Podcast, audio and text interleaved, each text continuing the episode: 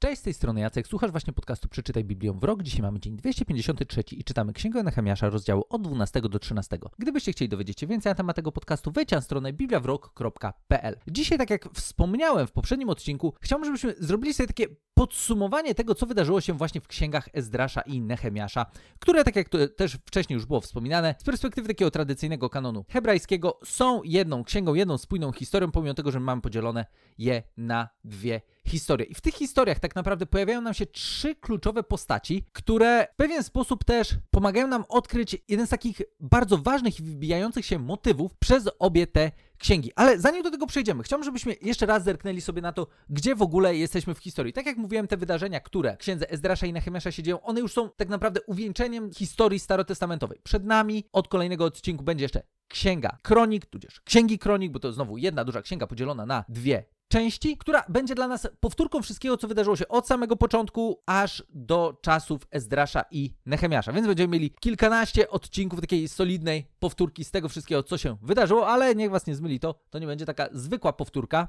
jak to można by się też było domyśleć, jeśli chodzi o Biblię, tu zawsze coś, coś musi się znaleźć wyjątkowego, pomimo tego, że może nam się z pozoru wydawać, że no, czego tam możemy się spodziewać z takich powtórek. Niemniej jednak, tak jak wspomniałem, Ezdrasz i Nehemiasz, oni w kontekście ksiąg, które są zatytułowane ich imionami, pojawiają się w bardzo szczególnym okresie historii Izraela. W okresie historii, w którym właśnie Izraelici w końcu mogą wrócić do swojej ziemi. I dzieje się to też w taki sposób, który dla nas e, może być właśnie taki inspirujący, zachęcający. I też o tym rozmawialiśmy, że tak naprawdę wiązało to się bezpośrednio z tym, że widzieliśmy władców perskich, którzy byli bardzo przychylni Izraelitom w tym, żeby oni wracali do swojej ziemi, żeby oni mogli zacząć odbudowywać Jerozolimę, żeby mogli również odbudować swoją świątynię. I z jednej strony rozmawialiśmy o tym, że wow, rzeczywiście, tak jak zresztą to było napisane, widzieliśmy w tym bardzo wyjątkową Bożą przychylność. Niemniej jednak ciekawe też jest to, że Persja, która podbiła Babilon, w całkiem inny sposób funkcjonowała niż Babilon. No bo Babilon jak wpadał i najeżdżał jakieś kraje i ta ekspansja Babilonu była taka, że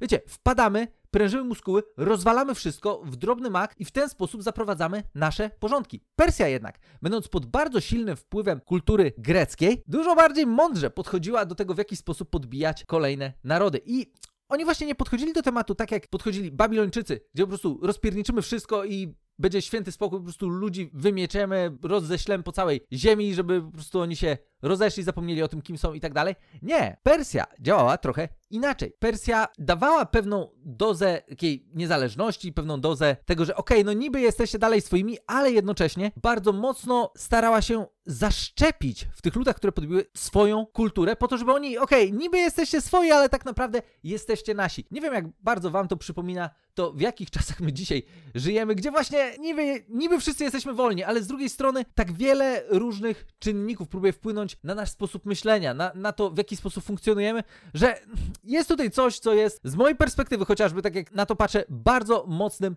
podobieństwem. I tak działała też Persja, więc z jednej strony, kiedy widzimy tych królów, którzy pozwalają Izraelitom na to, żeby wrócili i zaczęli odbudowywać miasto, świątynię, to ja nie mówię, że tutaj nie było Bożej przychylności, bo ewidentnie Bożą przychylnością było to, w jaki sposób ci władcy, którzy następowali, byli też używani przez Boga jako narzędzia do tego, żeby realizować Jego misję. I czytaliśmy to zarówno o władcach babilońskich, jak i również perskich, że Bóg bardzo wyraźnie pokazywał, że oni w pewien sposób są jego sługami. Oni tak naprawdę to, co oni robią, to robią to, co Bóg chce, żeby oni robili. Po to, żeby w ramach też historii Izraela mogło się wydarzyć to, co musi się wydarzyć, zanim historia dalej się rozwinie i dalej, zanim przejdziemy do kolejnych etapów odkrywania tego, jak Bóg będzie realizował swoje obietnicę i swój plan dla Izraela i całej ludzkości. Więc Boża przychylność w tym wszystkim jest, ale ta Boża przychylność też w pewien sposób polega na tym, że Bóg wykorzystuje to, w jaki sposób też ci władcy funkcjonują z natury, gdzie znowu Babilon po prostu rozpierniczymy wszystko, rozwalimy w drobny mak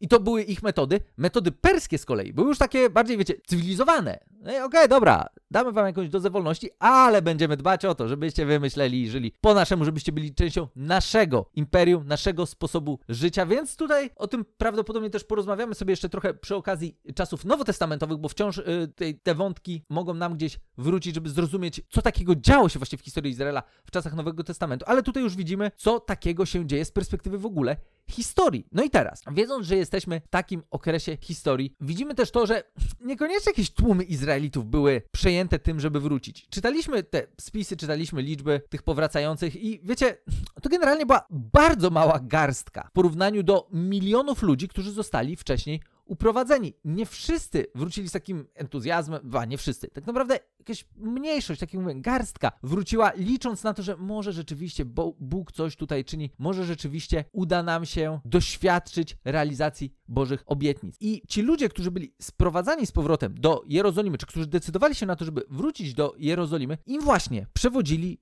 trzej ważni ludzie. To był Zorobabel, Ezdrasz i Nehemiasz. I teraz, o Zorobabelu za dużo nie porozmawialiśmy, ale widzimy w nim zdecydowanie gościa, który na samym początku księgi Ezdrasza, kiedy tylko pojawia się rozporządzenie króla, w ramach którego Izraelici mogą wrócić, no to on bierze po prostu ekipę i wraca. To jest gość, który bardzo szybko reaguje na to, że dobra, otwierają się nam pewne możliwości, więc z nich skorzystajmy. Więc jest on tym takim pionierem, który tak naprawdę zapoczątkowuje to, co później się przeradza w kolejne też fale powrotów. I kolejna fala powrotów wydarza się dopiero w siódmym rozdziale Księgi Ezdrasza i tak naprawdę tam dopiero pojawia nam się imię Ezdrasza, który to przewodzi drugiej fali. Po tym, jak już część tam rzeczy zaczęła się dziać, pewne sprawy związane z odbudową ruszyły, to Ezdrasz jest tym, który wraca i też z uwagi na to, kim on był, kontynuuje to dzieło Zorobabela w ten sposób, że zaczyna dbać o duchową stronę też funkcjonowania ludzi. Jest on takim, wiecie, takim fajnym duszpasterzem. Wiecie, zna Biblię, chce ją tłumaczyć ludziom, chce pomagać ludziom, żeby odkryli tą swoją taką, wiecie, duchową tożsamość, więc Zorobabel to jest taki pionier. Tutaj mamy takiego fajnego duszpasterza, który rzeczywiście widzimy, że jakby uzupełnia w pewien sposób też to, co zaczyna Zorobabel. I później mamy Nehemiasza, który już w bardzo praktyczny sposób wpada i stara się robić porządek, związany też y, z odbudową miasta w ogóle, a nie tylko świątyni, co było częścią księgi właśnie Ezdrasza. Więc tutaj mamy odbudowę miasta, no i w tym wszystkim też widzimy gościa, który jest bardzo, ale to bardzo przejęty swoją misją. I tak naprawdę jeden taki temat, który wyłania nam się bardzo mocno z, z księgi Ezdrasza i Nehemiasza, to jest temat związany z przywództwem, tudzież z byciem liderem. I wiem, że w zależności od tego, z jakich gdzieś tam środowisk jesteście, to może być temat, który mniej lub bardziej Was e, interesuje lub mniej lub bardziej się z nim spotkaliście. Niemniej jednak jest to temat dla nas bardzo ważny, bo nawet jeżeli myślę sobie, okej, okay, dobra, ja tam nie jestem żadnym liderem, no co to, kto, to w ogóle jest lider? U nas w domu jest tak, że jedną z naj, jednym z najlepszych metod na to, żeby porozmawiać z naszą trzyletnią córą, która jest przekochana, no ale wiadomo, jak to trzylatka, czasami po prostu wiesz, tam zdarzy jej się jakaś tam wtopa, taka, wiecie, wtopa trzylatka. E, bardzo często rozmawiamy z nią o tym, że ona może być dzieckiem, które daje przykład i który jest dobrym przykładem dla innych dzieci. I to jest poprzedzone zawsze tym, że hej, słuchaj, Jesteś liderem. Inne dzieciaki patrzą na ciebie. Ty dajesz im przykład. I one mogą naśladować twój przykład. Szczególnie dzieje się to w sytuacjach, kiedy na przykład, wiecie, na podwórku są jakieś dymy i po prostu, wiecie, ktoś ma jakiś głupi pomysł e, i wszyscy lecą za głupim pomysłem. My wtedy mówimy, słuchaj, nie musisz być tym, tą osobą, która idzie za głupimi pomysłami. Ty możesz być tą osobą, która daje dobry przykład, a inne dzieciaki Mogą zdecydować się na tym, że pójdą za Twoim przykładem, mogą zdecydować się, że nie. Ale pamiętaj, lider daje dobry przykład i ona jest tym niesamowicie przejęta. Ona naprawdę y, często pyta właśnie, a kto jest liderem, a czy ten jest liderem, a czy tamten jest liderem. I, I zawsze jej mówimy, najlepszym liderem jest ten, kto daje dobry przykład. Przykład, za którym inni będą chcieli iść. Ciężko oczywiście czasami być tym liderem, za którym inni idą, bo nie każdy chce iść za dobrym przykładem. Czasami po prostu łatwiej jest iść za gównianym, za przeproszeniem, przykładem. E, I możemy mieć liderów zarówno dobrych, jak i złych, którzy dają dobry przykład i zły przykład. Niemniej jednak my dbamy o to, żeby właśnie naszej już trzylatce pokazywać, że hej, ty jesteś tą, która jest zdolna do tego, żeby dawać dobry przykład. Nieważne, że ma tylko 3 lata. Będzie później miała więcej, ale będzie pamiętała tą jedną rzecz. Mogę być tą, która wywiera pewien wpływ na moje środowisko, na moje otoczenie przez to, że daję dobry przykład i że nie idę za jakimś dziadostwem, które widzę w mojej codzienności. Zobaczymy, jak to się będzie rozwijało. To jest na razie nasz początek historii wychowawczej. Niemniej jednak, to też mam nadzieję, że w pewien sposób zilustruję Wam to, co ja rozumiem przez bycie liderem, byciem swego rodzaju przywódcą. Niekoniecznie, wiecie, bycie na jakimś, wiecie, ważnym stanowisku, bycie kimś. Bardziej to, że bycie tym właśnie, który daje dobry przykład, za którym to przykładem inni mogą iść. Okej, okay, nie muszą, ale mogą. I widzimy Zorobabela, Ezdrasza i Nehemiasza, którzy są liderami, którzy dają przykład. Z jednej strony Zorobabel jest tym, który daje przykład tego, że ej, coś może się zmienić. Ruszamy, zaczynamy działać, odbudowujemy świątynię. I on jest tym, który pociąga za sobą jakąś tam grupę ludzi, chociaż widzimy garstkę, ale mimo wszystko to jest garstka, która daje początek czemuś trochę większemu, bo za nim pojawia się Ezdrasz, który znowu daje przykład swojej takiej gorliwości do tego, żeby żyć zgodnie z Bożym Słowem. On tego Bożego Słowa naucza. On jest taki właśnie fajnym duszpasterzem, który zaczyna dbać o ludzi, który, wiecie, jak coś się dzieje, to po prostu nie wiem, to wiecie, zróbmy może kółko biblijne, nie? E, porozmawiajmy, zobaczymy, co Pan Bóg ma nam do powiedzenia. Gdzie Zorobabel był tym, który, e, wiecie, pisał listy, czekał na odpowiedzi i to bardzo dbał o to, żeby grać zgodnie z zasadami, które w tamtym czasie panowały. Ezdrasz jest tym, który wszystkich rozwiązań szuka w Biblii. Po prostu, okej, okay, słuchajcie, pomódlmy się, poczytajmy Biblię i zobaczymy, co dalej. Z kolei Nechemiasz jest totalnie w ogóle oderwany od tych dwóch, bo to jest trochę taki wariat, jak y, być może pamiętacie historię Eliasza, którego omawialiśmy sobie, no już w sumie dosyć dawno temu, przy okazji ksiąg królewskich, e, ale możecie sobie wrócić do odcinku na temat Eliasza i zobaczyć, jaki był Eliasz. Po prostu narwany, naprawdę taki gość powiem takiej pasji, ale takiej widocznej pasji. Ja nie mówię, że Zorobabel i Ezrasz nie mieli pasji, ale oni byli tacy dosyć stonowani. Nehemiasz to już jest taki wariat. To już jest taki gość, który po prostu jak w tej historii, którą chociażby czytaliśmy wczoraj, zobaczył, że gdzieś pojawiają się obcoplemieńcy, to zaczyna, wiecie, gdzieś ludzi bić, szarpać za włosy, po prostu stary, w ogóle wyluzuj się. Ale wynikało to z tego, jaki on był, jak bardzo on przejęty był swoją misją i tak naprawdę on był tym, który też z jednej strony właśnie wykorzystał swoją pozycję, którą miał na dworze króla do tego, żeby realizować Boży plan, gdzieś bardzo fajnie wbił się w, ten, w te okoliczności, które tam wtedy panowały po to, żeby wykorzystać swoją pozycję na rzecz Bożego dzieła. I widzimy właśnie w Nehemiaszu gościa, który właśnie jest taki, ej, działamy, działamy, słuchajcie, robimy taki, taki i ludzie za nim idą, i ludzie za nim idą, i ludzie są przejęci też tym jego przykładem i starają się za nim iść, ale widzimy też to, że co by nie było, bycie przykładem nie jest proste i nie zawsze ludzie będą za wszystkim szli, co też widzieliśmy tak naprawdę do ostatniego odcinka, e, w którym omawialiśmy sobie te rozdziały ze Zrasza i Nehemiasza, tego wczorajszego, gdzie właśnie było to, że okej, okay, no staramy się stosować Boże Słowo w naszym życiu, ale trochę nam to nie wychodzi i co chwilę są jakieś tam wtopy, bo widzimy też to, że ta odbudowa naszego życia to nie jest jednorazowe wydarzenia, ale to jest podejmowanie codziennych decyzji po to, żeby sta stawać się coraz bardziej podobnym do Jezusa.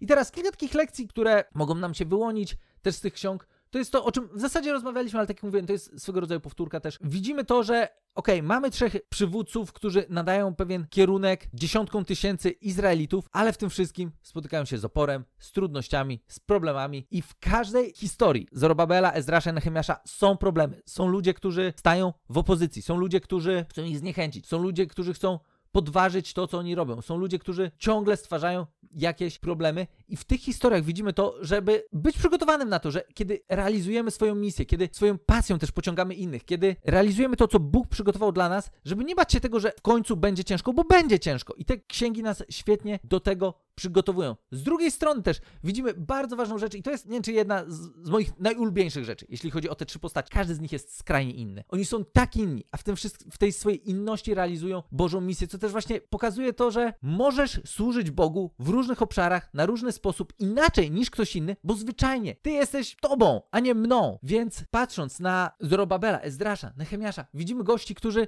są inni, mają różne misje. Tak naprawdę ich misje są tak naprawdę, misja każdego kolejnego jest uzupełnieniem misji poprzednika i rozwijaniem tego, co Bóg czyni, ale poza tym, że same misje są różne, to różne jest też to, jacy oni w ogóle są. Oni są całkowicie innymi ludźmi, mają całkiem inne metody. I tak jak na przykład widzieliśmy Zorobabela, który będzie, nie wiem, pisał jakieś listy, czekał na pozwolenia, to z drugiej strony później pod koniec historii mamy Nehemiasza, który on wnosi ma jakiekolwiek listy, po prostu jak wiecie, pojawiają się jakieś tam problemy, to dobra, tam leci wyjaśnienie do króla, a w międzyczasie, słuchajcie, tu bierzecie szable i robicie dalej swoje. Co nas obchodzi to, co król powie? Po prostu naprawdę kompletnie inny gość, ale jednocześnie w tej inności właśnie cenny i skuteczny w tym, żeby realizować Boży plan, realizować Boże dzieło, więc to jest bardzo, bardzo ważne. Możemy być różni, możemy w inny sposób działać, możemy mieć inne misje i w tym wszystkim powinniśmy się uzupełniać, doceniać nasz naszą różnorodność, w tym w jaki sposób przykładamy swoją rękę do realizacji Bożej misji dla tego świata. No ale trzecia rzecz też jest taka, że oni wszyscy byli naprawdę gośćmi pełnymi pasji. I choć właśnie my często pasję kojarzymy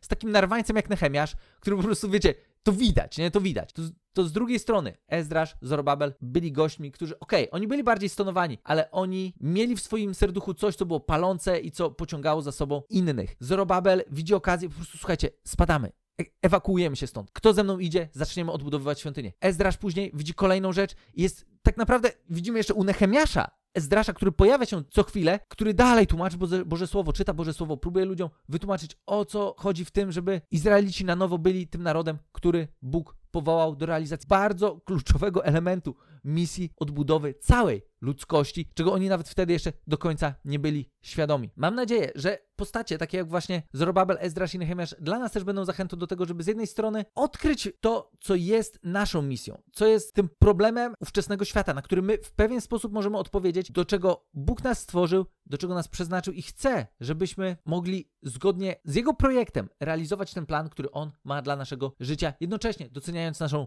różnorodność i też odkrywając to, gdzie mogę być dobrym przykładem, gdzie mogę dawać przykład, za którym inni będą iść. Okay? czasami może być tak, że trudniej jest iść za dobrym przykładem, zgadza się, ale ludzie widzą dobry przykład, widzą dobry przykład naszego życia i ten przykład rzadko kiedy zostaje niezauważony. On może nie spotkać się z naśladownictwem, ale rzadko kiedy przejdzie niezauważony i nawet jeżeli my nie zobaczymy tego, że nasz przykład wpłynie bezpośrednio na kogoś, to może być moment w historii, gdzie ludzie przypominając sobie to, jacy my byliśmy, będą w stanie podejmować właściwe decyzje, zwrócić się w stronę Boga, pozwolić na to, że Bóg nadał również kierunek ich życiu, bo gdzieś kiedyś spotkali nas, którzy dali, daliśmy dobry przykład, o czym też rozmawiałem w jednym ostatnich odcinków. Tyle z mojej strony, jeśli chodzi o księgę Ezdra, o księgi Ezdrasza i Nehemiasza. Gdybyście mieli dodatkowe pytania, wejdźcie na stronę bibliawrok.pl bądź możecie też do mnie napisać na adres jacekmałpa bibliawrok.pl. Jutro już będziemy startować z kolejną księgą, z księgą Kronik. I już jesteśmy bardzo blisko tego, na co wszyscy czekają, czyli historii nowotestamentowej, ale przed nami jeszcze powtórka z tego, co wydarzyło się do teraz, więc do usłyszenia w kolejnym odcinku.